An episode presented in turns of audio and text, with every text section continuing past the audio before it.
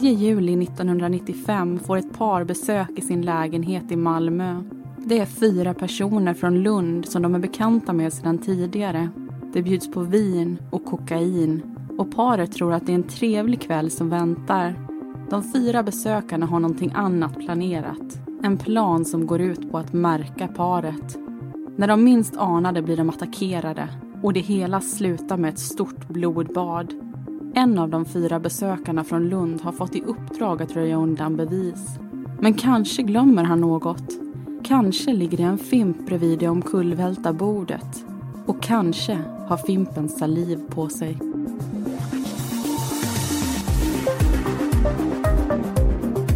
Du lyssnar på Mordpodden. I säsong två tar vi upp mord som har skett i Skåne. I veckans avsnitt ska du föra berättelsen om narkotikamorden i Malmö.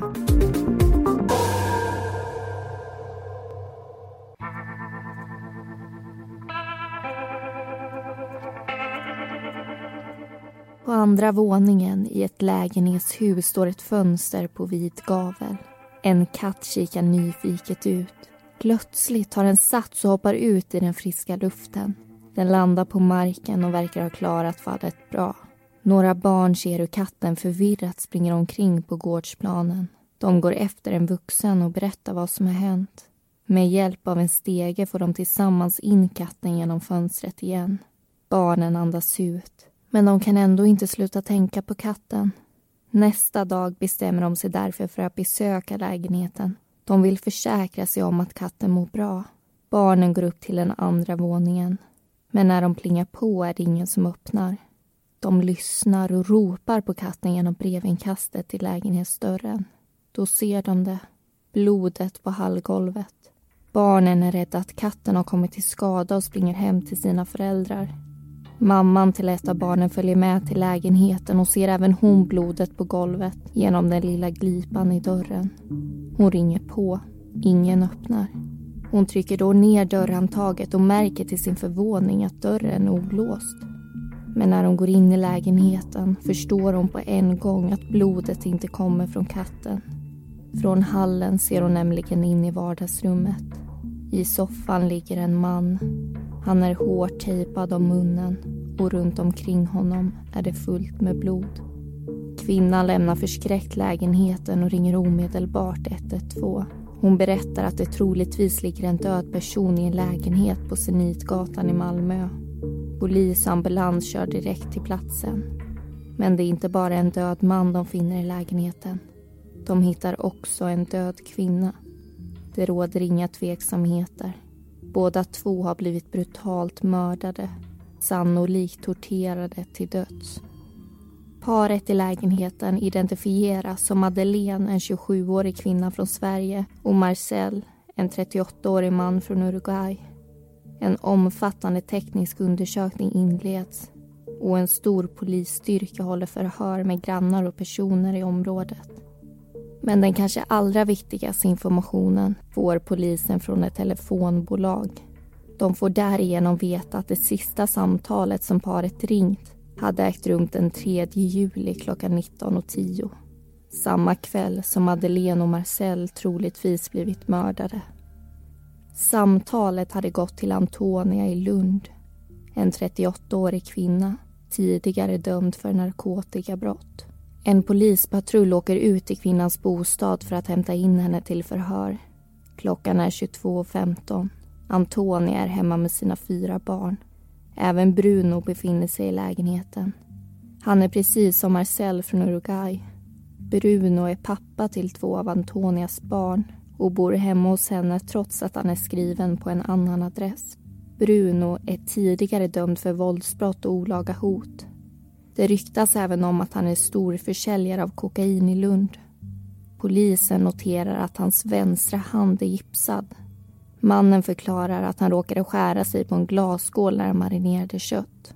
Både Antonia och Bruno får åka med till polisstationen för förhör. Den 7 juli sitter en socialarbetare hemma i soffan och tittar på nyheterna. Ett inslag får henne att hoppa till. Det handlar om de brutala morden på Zenitgatan i Malmö. Efter att ha funderat en stund ringer hon polisen. Hon vet någonting som hon tror att de också vill veta. Tidigare under veckan hade hon träffat en 19-årig klient. Klienten berättar att hennes pojkvän Josef tillsammans med några personer från Lund hade mördat en kvinna och en man i Malmö. Hon hade uppfattat det som en misshandel som ballat ur. Socialarbetaren hade trott att den unga kvinnan hittade på eller att hon hade blivit lurad av Josef. Något mord hade hon ju inte hört talas om. Inte förrän nu. När hon kollar på nyheterna går det upp för henne att det som hennes klient hade berättat kanske var sant.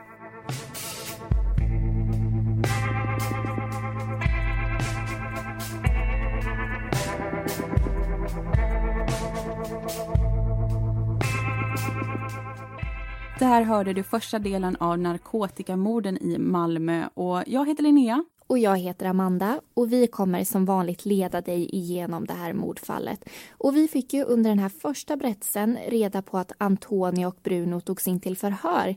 Men vi vill ju självklart också veta vad som kom fram under de här förhören och det är det vi tänkte berätta nu helt enkelt. Mm. Och anledningen till att de förhörs det var ju alltså att det mördade paret hade ju ringt dem samma kväll som de blev mördade.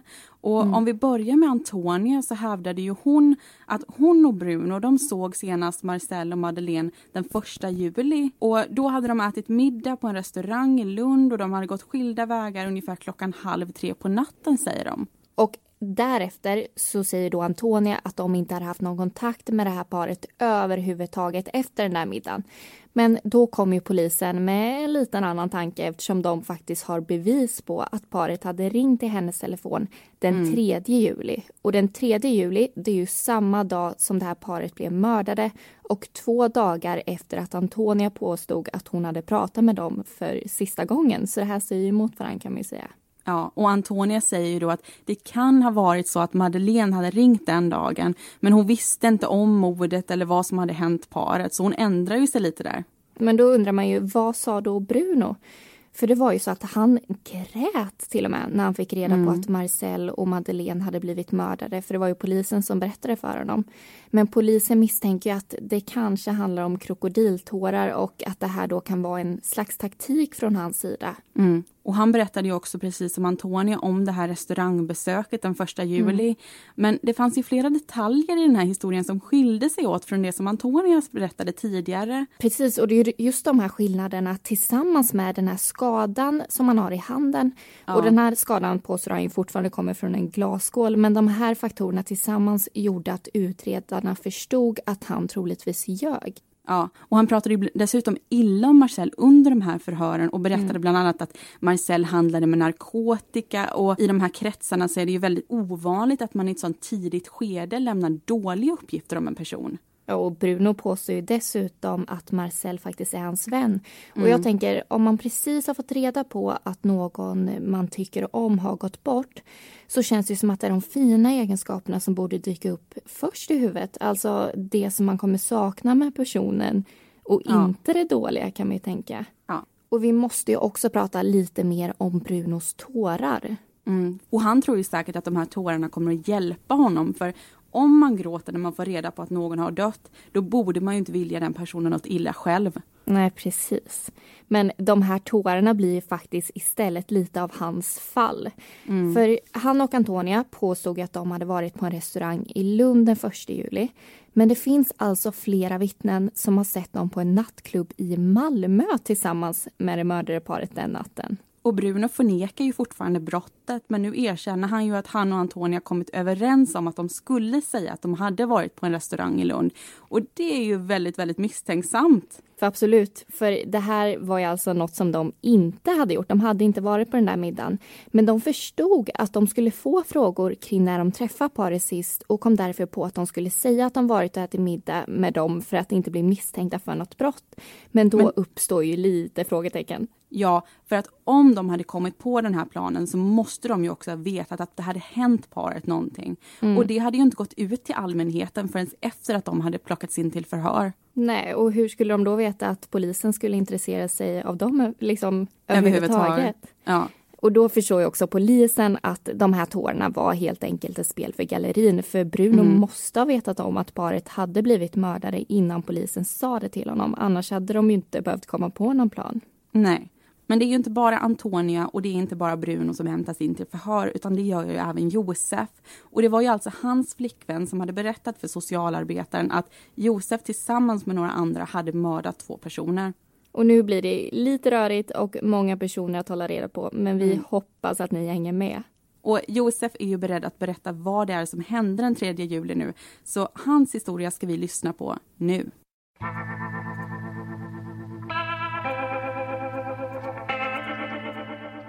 Den 3 juli klockan 10 på förmiddagen ringer Josefs telefon. Det är en kvinnlig bekant som vill att han ska komma till hennes lägenhet i Lund. Hon berättar att det är väldigt viktigt att han kommer och Josef åker dit. När han gör entré i bostaden är två andra män redan där. En av dem är kvinnans fästman. Han berättar att han är ursinnig på en person som heter Marcel och han drar sig inte heller för att påpeka varför. Enligt honom har Marcel stulit kokain. Han har dessutom gått runt och berättat att han kämpat mot regimen i Uruguay. Något som mannen i lägenheten menar är en lögn. Han fortsätter att prata nedlåtande om Marcel och avslutar med att säga att Marcel nu förtjänar att märkas ordentligt.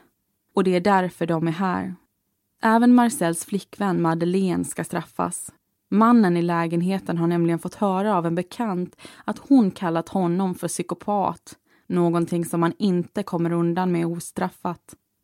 Josef får veta att hans uppgift blir att röja undan alla bevis och vara uppmärksam på att ingen till exempel lämnar fingeravtryck någonstans i lägenheten. Om Marcel skulle göra någon form av motstånd så skulle också Josef finnas där för att backa upp sina kompanjoner. Klockan nio på kvällen ska de återigen samlas i lägenheten i Lund och därifrån gemensamt ta sig till Marcels och Madeleines lägenhet i Malmö. Josef, som har träffat Marcel förut, lämnar lägenheten med många funderingar. Han tycker bra om mannen och har ingen anledning att göra honom illa. Helst av allt vill Josef dra sig ur och han försöker komma på en bra ursäkt. Han kommer att tänka på en narkotikapolis i Lund som han känner Kanske kunde han få honom att efterlysa Josef som misstänkt för något brott. Då skulle polisen kunna komma till lägenheten i Lund och gripa honom innan han hinner följa med de andra till Malmö. Josef letar efter polisens visitkort, men hittar det inte. Han ger upp. Annars kanske han skulle kunna ta kontakt med den psykiatriska kliniken i Lund och skriva in sig för någon psykisk sjukdom. Men inte heller den tanken leder till någon handling. Och när klockan passerat nio så beger sig en nervös Josef tillbaka till lägenheten i Lund. Kvinnan ringer efter en taxi och en stund senare så sitter de alla fyra på väg till Malmö. Josef, kvinnan, hennes fästman och så den tredje mannen. Marcel och Madeleine vet att de fyra personerna från Lund ska komma men de vet inte varför Taxin stannar och passagerarna kliver ut. De blir inbjudna till vardagsrummet där det serveras vin. Josefs kvinnliga bekant som beställde taxin tar upp sitt glas och för det till munnen. Mannen från Lund, vars idé det var att åka dit, blir bjuden på kokain av värdparet som inte känner till hans förakt. Snart sitter de allihopa och delar på preparatet. Men plötsligt förändras stämningen och kvällsgästerna påbörjar det som de är där för att göra. Mannen som vill märka paret ställer sig upp utan förvarning och slår till Marcel i pannan med ett hårt föremål. Blodet börjar rinna och Madeleine försöker fly från vardagsrummet. Men den andra mannen från Lund hinner ifatt henne och det hela mynnar ut i ett stort slagsmål. Kvinnan skriker och försöker skydda sig men efter ett tag blir hon sittande i en fåtölj i vardagsrummet. Hon stirrar tomt framför sig, apatisk och uppgiven. Josef förstår att det nu är hans tur att agera och han börjar plocka upp fimpar som flög ur askkoppen när bordet välte under fighten. Efteråt ber han om att få gå därifrån. Han menar att han har hållit sitt löfte om att röja undan bevis. Josef får lov att gå om han tar med sig en väska han gör som de säger och greppar tag om väskan innan han lämnar lägenheten. Männen från Lund har knivar i sina händer. Vad de ska med dem till vet inte Josef. Men han förstår att det inte är några trevliga scener som kommer att utspela sig bakom dörren han nu stänger. Josef ringer och beställer en taxi till en adress lite längre bort. På vägen dit passar han också på att göra sig av med de fimpar han samlat på sig. Han skjutsas hem till sig, men han blir också snart påmind om att det ännu inte är över. Hans telefon ringer och han får då veta att han ska befinna sig i lägenheten i Lund om en timme för ett nytt möte. När han kommer dit läser han av de tre personernas gester och minspel. Han förstår att paret i Malmö inte bara har blivit märkta, de har blivit mördade. På vägen hem bränner han också upp sina kläder. Han vill inte riskera att bli förknippad med det som precis har hänt. Den här historien berättar Josef för polisen i förhör. Den stora frågan är nu om det som Josef berättat är sant.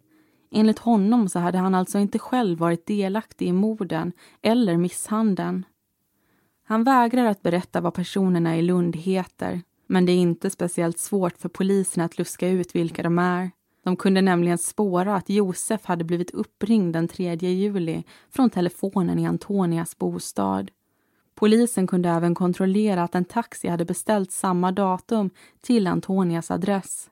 Körningen hade gått till Malmö och sen var det bara att lägga ihop ett och ett. Antonia måste vara den kvinnliga bekanta och hennes fästman kände de ju redan till, Bruno, den tidigare dömda mannen som troddes vara storförsäljare av kokain i Lund.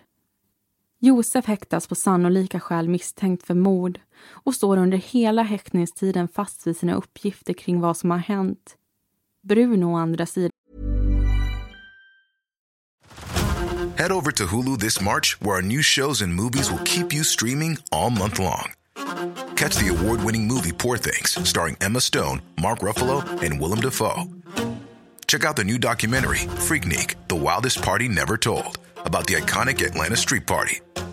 And don't miss FX's Shogun, a reimagining of the epic tale starring Anna Sawai. So, what are you waiting for? Go stream something new on Hulu. Han ändrar plötsligt sina uppgifter. Han erkänner nu att han befunnit sig i det mördade parets lägenhet den 3 juli. Men han berättar att han var där ensam och att det plötsligt från ingenstans hade kommit in sex eller sju maskerade män. De hade hållit fast Bruno mot ett bord i vardagsrummet och skurit honom med en kniv i handen samtidigt som de slagit Marcel så han ramlat till golvet.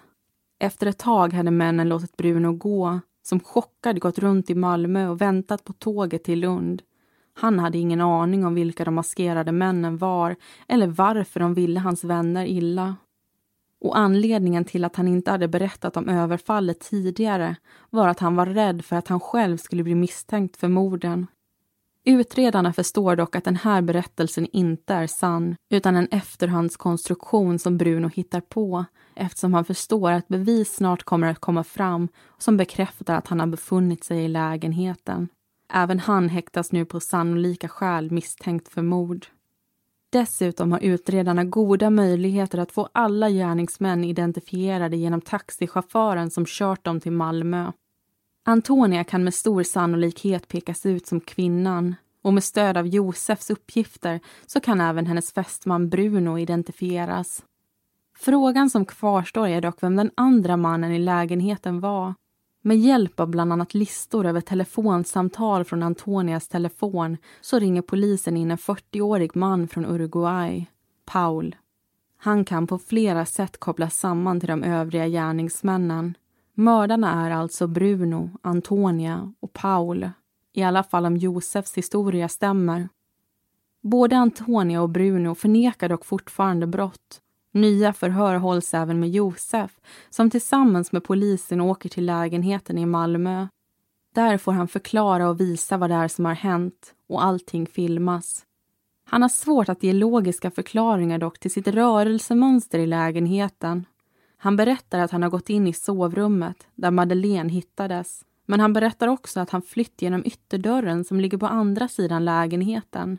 Så vad hade han egentligen gjort i sovrummet? Det märks att Josef är tagen av att återigen befinna sig i lägenheten. På golvet ligger omkullvälta och sönderslagna möbler och både golv och väggar är fortfarande röda av blod. Men det är inte bara den otäcka brottsplatsen som berör Josef. I trapphuset utanför lägenheten hade han gått förbi ett hav av kort och blommor och det gick upp för honom att allmänheten måste känna en stor avsky inför det som har hänt och han orkar inte längre hålla saker inom sig. Han vill nu berätta allt. Både vilka de andra gärningsmännen är men också om sin egen inblandning.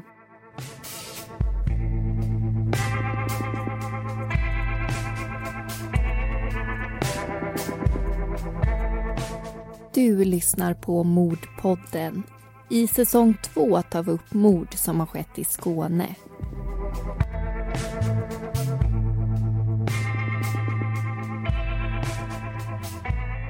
Där hörde du den andra delen av narkotikamorden i Malmö. Och till att börja med så tänkte vi ju berätta om den tekniska undersökningen som görs. För i lägenheter hittar man ju flera intressanta spår. Ja, Josef hade ju fått i uppdrag, som vi hörde i de tidigare berättelserna, att röja undan alla bevis. Men det fanns mm. ändå mycket kvar som intresserade polisen. Bland annat så hittar man ju blodspår och de hittas ju lite överallt i lägenheten. Ja, både på den döda mannen och på golvet intill, handfaten i toaletten, på armstödet i soffan, på golvet intill sängen. Ja, de hittar det överallt. Det är väldigt, väldigt utspritt kan man ju säga. Men jag tänker så här. Det är ju ändå mm. två personer som har blivit brutalt mördade i den här lägenheten. Så mm. det känns det ju inte jättekonstigt att det finns blod runt omkring. Men det man reagerar på det är ju de här bloddropparnas form. För de har ett väldigt speciellt utseende och de såg ju ut lite som droppar. Och på det sättet så förstår man ju att de måste ha fallit rakt uppifrån också och då rimligtvis komma från någon av gärningsmännen. Jag tycker att det är häftigt att man ja, men att man kan dra slutsatser från så små detaljer. Och vi ja. får inte glömma att det här är ju 1995, det är ganska länge sedan. Och utvecklingen går ju framåt hela tiden så nu skulle man ju säkert bli ännu mer imponerad av arbetet som faktiskt gör i sådana här sammanhang och vilka slutsatser man kan dra av sådana här pytte, pytte, pytte små detaljer. Mm. Och det är ju både blodspåren och det är fimparna som Josef har missat och det är föremål som kunde ha fingeravtryck på sig som skickas till SKL för en DNA-analys. Och vad resultaten visade på det, det ska ni få höra om en liten, liten stund. Men först så vill vi diskutera en till sak eh, och det har med påföljd att göra. För minst en person från Lund som var i lägenheten kommer dömas till livstidsfängelse. Mm. Och Aftonbladet har intervjuat honom om det här och om hur han ser på den påföljden. Och det här är ju alltså det som vi kommer ta upp nu, det är ju inte vad vi tycker utan det är vad han tycker. Mm. Men när man läser den här artikeln så förstår man ju att det blir väldigt klart att det här är någonting som han är väldigt emot. Han beskriver ju att det är nästan som ett dödsstraff att inte ha det tidsbestämt. Nej, för det är just precis det han vill ha. Han vill ha ett tidsbestämt straff. För han menar att det är den här ovissheten som gör att det blir outhärdligt för honom mm. och menar att han har förlorat hoppet till livet. Och han ser det som att politikerna inte vill göra livstidsdömda till bättre bättre människor utan bara få bort dem från gatorna. Mm. Men samtidigt får vi inte glömma att de som döms till livstidsfängelse, de gör ju det för att omständigheterna har varit väldigt, väldigt grymma. Annars döms du ju till tidsbestämt straff. Ja, och det här är ju något som vi har reagerat på när vi har gått igenom nu ganska många fall. Ja, men mm. just att eh, påföljden, att det kan vara ett ganska lindrigt straff i förhållande till vad människan faktiskt har gjort. Och nu är vi alltså på den andra delen av den här skalan, att nu är vi på de högsta straffen istället för de här lägsta. Precis, och då är ju frågan, vad tycker man om det här? Förtjänar en människa en andra chans efter att ha begått något sånt här fruktansvärt? Ja, om man hade varit i hans skor så hade man ju känt likadant tror jag. Men man måste ändå också tänka på hur känner de anhöriga till offret när en person som har begått någonting så otroligt grymt ska få ett tidsbestämt straff och sen också släppas efter x antal år? Ja, för den här personen, den har ju tagit ifrån en människa livet och även förstört den här människans anhöriga och vänners liv också. Så mm. jag kan ju tänka mig om man är anhörig till ett offer då kan det ju inte finnas något straff som känns hårt nog. Nej. Och sen tycker jag, jag tycker ju att ovissheten det är ju en del utav straffet. Och det tror jag mm. inte man ska glömma. Alltså det ska inte bara vara 30 30 år men du får veta det senare. Utan det är ju 10 år som du inte ens får ansöka om att få ditt straff tidsbestämt. Och det känns som att det finns en anledning till det. De här 10 åren det är rent och skärt straff. Sen kommer en rehabilitering och en plan för att få ut dem i arbetslivet, få ut dem in i sitt vanliga liv igen. Ja, och i Sverige så är det ju lindriga straff jämfört med många andra länder. Det får vi inte glömma heller. Mm. Och jag kan tycka att tar man en annan människas liv, då måste man på ett sätt vara beredd att förlora sitt eget. Det här är ju ett val man har gjort och då får man också ta, ta konsekvenserna för det. Och det är klart att man ska straffas när man har begått något sånt här. Det, det tycker jag verkligen. Ja, samtidigt så har vi ju i Sverige en praxis på där man ofta släpps ut efter att ha avtjänat två tredjedelar av straffet. Mm. Och det känns som att det jämnar ju ut det här livstidsstraffet sen, för de extra åren som läggs till, de kommer de ju ofta inte sitta hela tiden utav. Nej, och det här, det här är en väldigt intressant debatt får man säga. Och det, man mm. har ju mycket både känslor och åsikter och tankar kring det här. Och det vore även intressant att veta vad ni som lyssnar tycker och tänker om det här. För vi finns ju på Facebook där vår sida heter Mordpodden. Så där får ni jättegärna gå in och dela med er av era tankar och åsikter. Det vill vi jättegärna. Men eh, nu är det dags att återgå till berättelsen. För Josef han är ju beredd att berätta lite mer detaljer om vad som egentligen hände den här 3 juli 1995.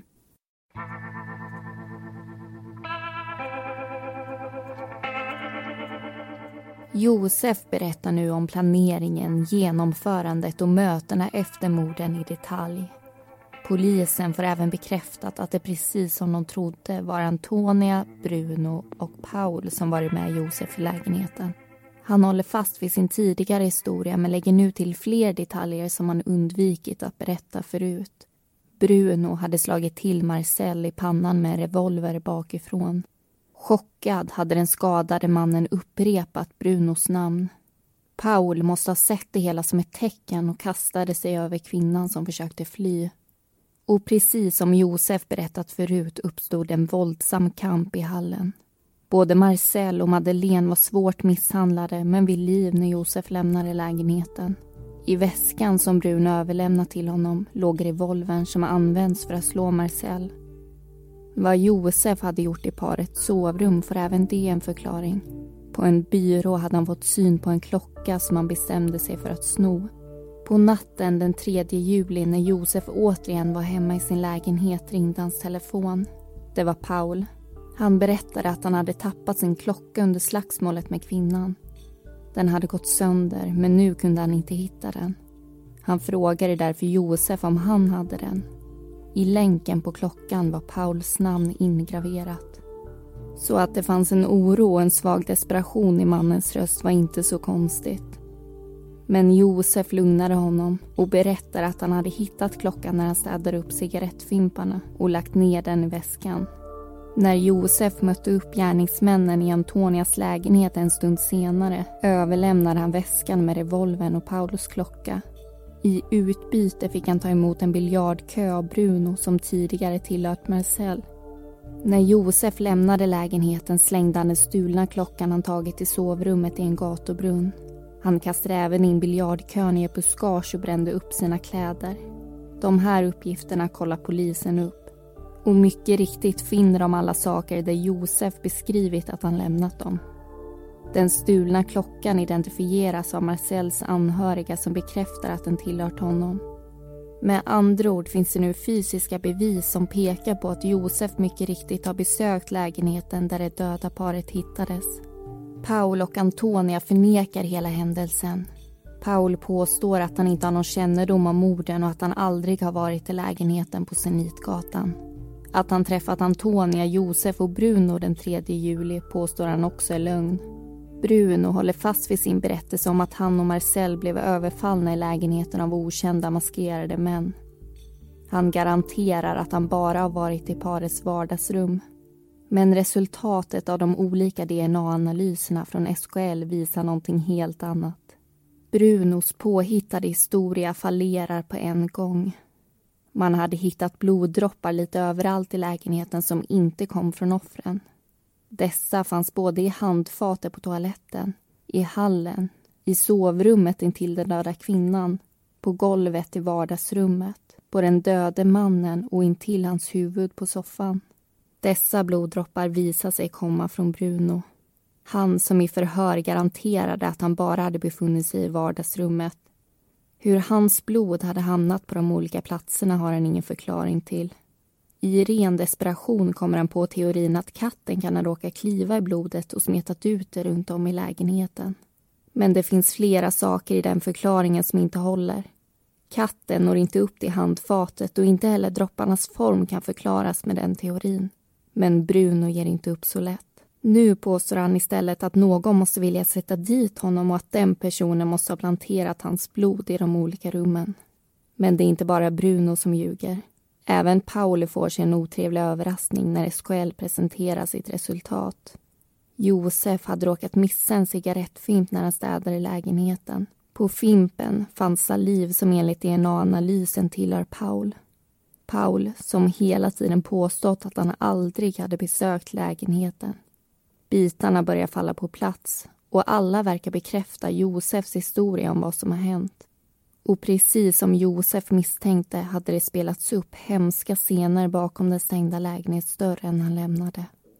Rättsläkarundersökningen visar att Marcel troligtvis dött av skärsåren på halsen. Men eftersom han pressats hårt mot en kudde med ansiktet neråt kan inte kvävning uteslutas. Ett knivhugg i ryggen hade punkterat hans lungor. Detta knivhugg hade sannolikt skett efter hans död. Det var lättare att fastställa orsaken till Madeleines död. Hon måste ha avlidit på en gång av skärsåren i halsen. Flera vittnen sitter inne med viktig information men det är många som inte vågar träda fram. Det som hindrar dem är rädsla. De är rädda för Bruno. Polisen förstår snart att det är en farlig man de har att göra med. Han är vapenfixerad och inte rädd för att ta till våld om det behövs. Men i slutskedet av förundersökningen vågar en person träda fram och berätta vad den vet. Den 4 juli hade Antonia sagt till vittnet att man löst ett problem i Malmö. Detta hände alltså innan polisen hade fått reda på att mordet hade begåtts. Och det hade sagts av en kvinna som i förhör påstått att hon inte hade haft någon kännedom om mordet innan polisen knackade på hennes dörr. Samma vittne hade också besökt Bruno på sjukhuset efter hans skada i handen. Bruno hade då ställt många märkliga frågor. Bland annat vilka ytor som fingeravtryck fastnar på. Frågor man inte vill ha svar på utan anledning. Men vittnet visste inte då att anledningen till frågorna var att Bruno tillsammans med sina vänner hade begått ett av de mest bestialiska morden i Malmös historia.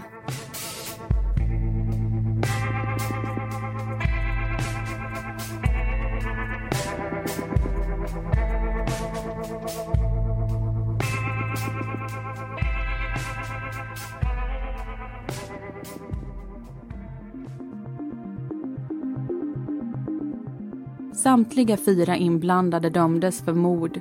Bruno, Paul och Antonia dömdes till livstids fängelse medan Josef dömdes till tio års fängelse. Alla fyra överklagade sina domar till hovrätten som beslutade att sänka Josefs straff till tre års fängelse för medhjälp till grov misshandel. Bruno och Pauls påföljd blev densamma men Antonias straff sänktes nu också till nio års fängelse för medhjälp till mord. Och det var allting som vi hade att berätta om narkotikamorden i Malmö. Alla personer heter egentligen någonting annat och all information den är hämtad ifrån domar, förundersökningsprotokoll, böcker och artiklar. Glöm inte att gå in och gilla Mordpodden på Facebook och Instagram också och så kan du kika in på hemsidan mordpodden.com. Nästa vecka ska vi berätta om kannibalmordet i Malmö.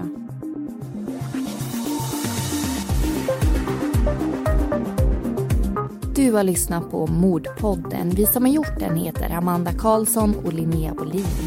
Bakgrundsmusiken var Lasting Hope och Lightless Dawn av Kevin MacLeod och Deep Space av Audionautics.